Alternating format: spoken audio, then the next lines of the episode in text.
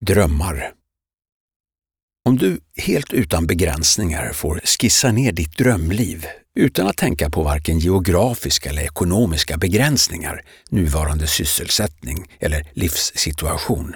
Om du helt fritt får skissa fram ditt liv på ett vitt papper, hur skulle det då se ut? Ditt drömliv.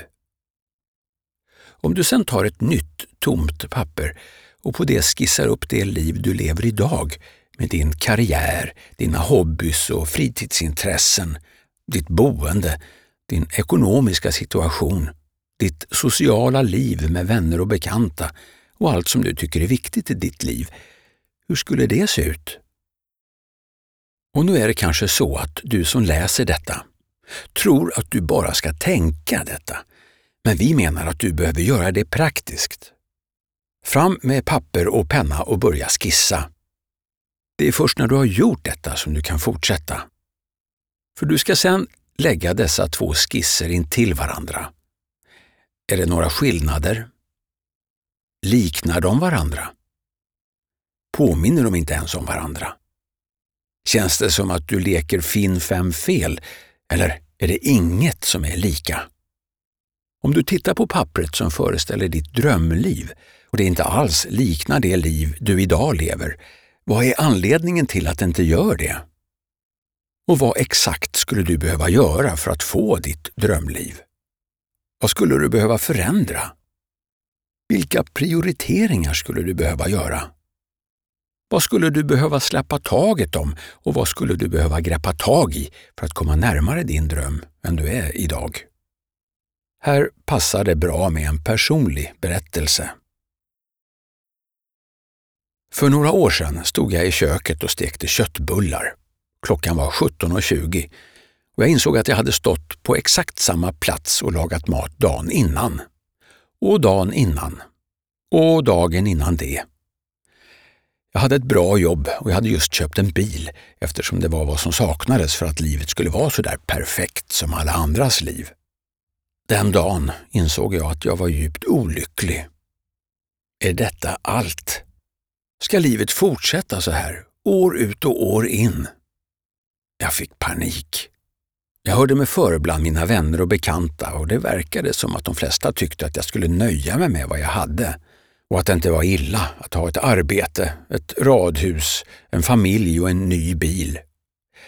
Jag ansåg inte alls att det stod i relation till de drömmar och visioner jag hade som tonåring. Lalle sätter fingret på det i sin låt Goliat. När drömmar bar oss bortom stan och en dag ska vi härifrån. Vi sa, vi ska ta över. Vi ska ta över världen. Vi ska bli stora. Vi ska bli mäktiga och vi ska göra jorden hel.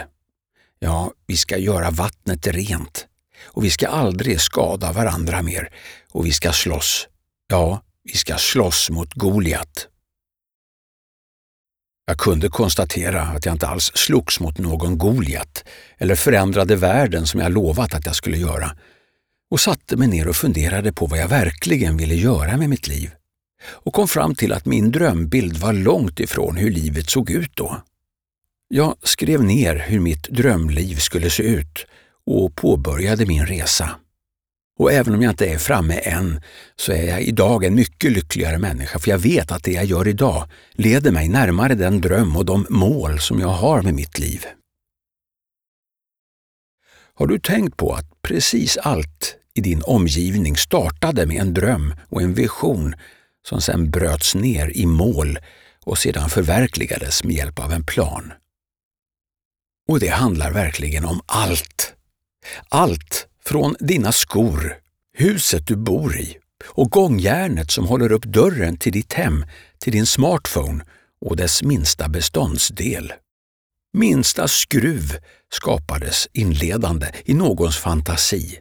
Någon såg ett problem och drömde någonstans om att hitta en lösning. Vad är det du drömmer om? Och om dina skisser inte överensstämmer med varandra, eller om det knappt finns en likhet mellan dem, vad är det som hindrar dig från att förändra ditt liv till det bättre? Till att likna den dröm du har innerst inne? Vad drömmer du om? Och vad har du för ursäkt för att inte kämpa för din dröm? Det sägs att om drömmen är tillräckligt stark så hittar man en väg. Men om den inte är det så hittar man en ursäkt. Vilken väg tar du?